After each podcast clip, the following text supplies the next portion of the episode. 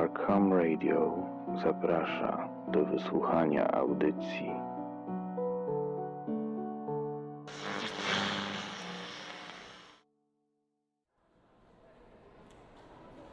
Atlas astronomiczny Tomasa Jogbauma. Tutaj możecie Państwo przyjrzeć się jednemu z najnowszych nabytków na naszych półkach. Ten niezwykły wolumin nie jest per se własnością biblioteki, jednak zeszłego lata został on nam oddany na przechowanie przez rodzinę Larsonów ze Swanton w stanie Vermont. Larsonowie nabyli ten zabytkowy wolumin podczas aukcji majątku pana Tomasa Jogbauma, zmarłego bezdzietnie bostońskiego przedsiębiorcy. Możliwe, że słyszeliście Państwo tę historię. Jakiś czas temu biedny pan Jogbaum, który notabene był absolwentem naszego uniwersytetu, zginął podczas eksplozji kontenera na odpady, kiedy wizytował swą przetwórnię rybną. Gazety napisały: Zemsta ryby z zagrobu. Rybny magnat ginie wskutek wybuchu gazu z rybnych resztek. Niestety, The Boston Globe ma słabość do patetycznych nagłówków. Wracając jednak do tematu. Księga, którą tu widzimy, jest w swej istocie atlasem astronomicznym.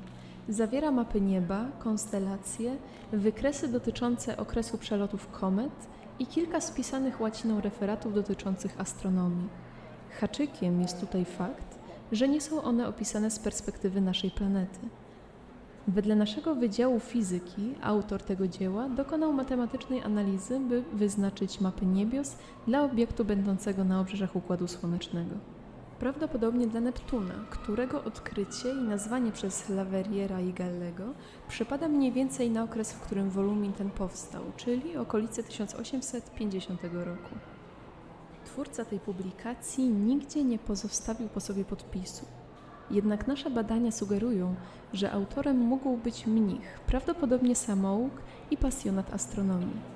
Papier i używane materiały sugerują Europę, a zakładając, że niektóre informacje autor mógł dostać osobiście od Urbana Leverriera lub Johna Galle, wydedukowaliśmy, że ten amator astronomii musiał być rezydentem jednego z klasztorów w północnej Francji lub zachodnich Prusach.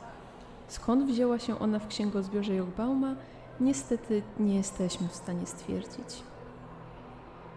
Jak wspomniałam, autor wyliczył z niezwykłą dokładnością położenie gwiazd i planet, które były widoczne z perspektywy Neptuna.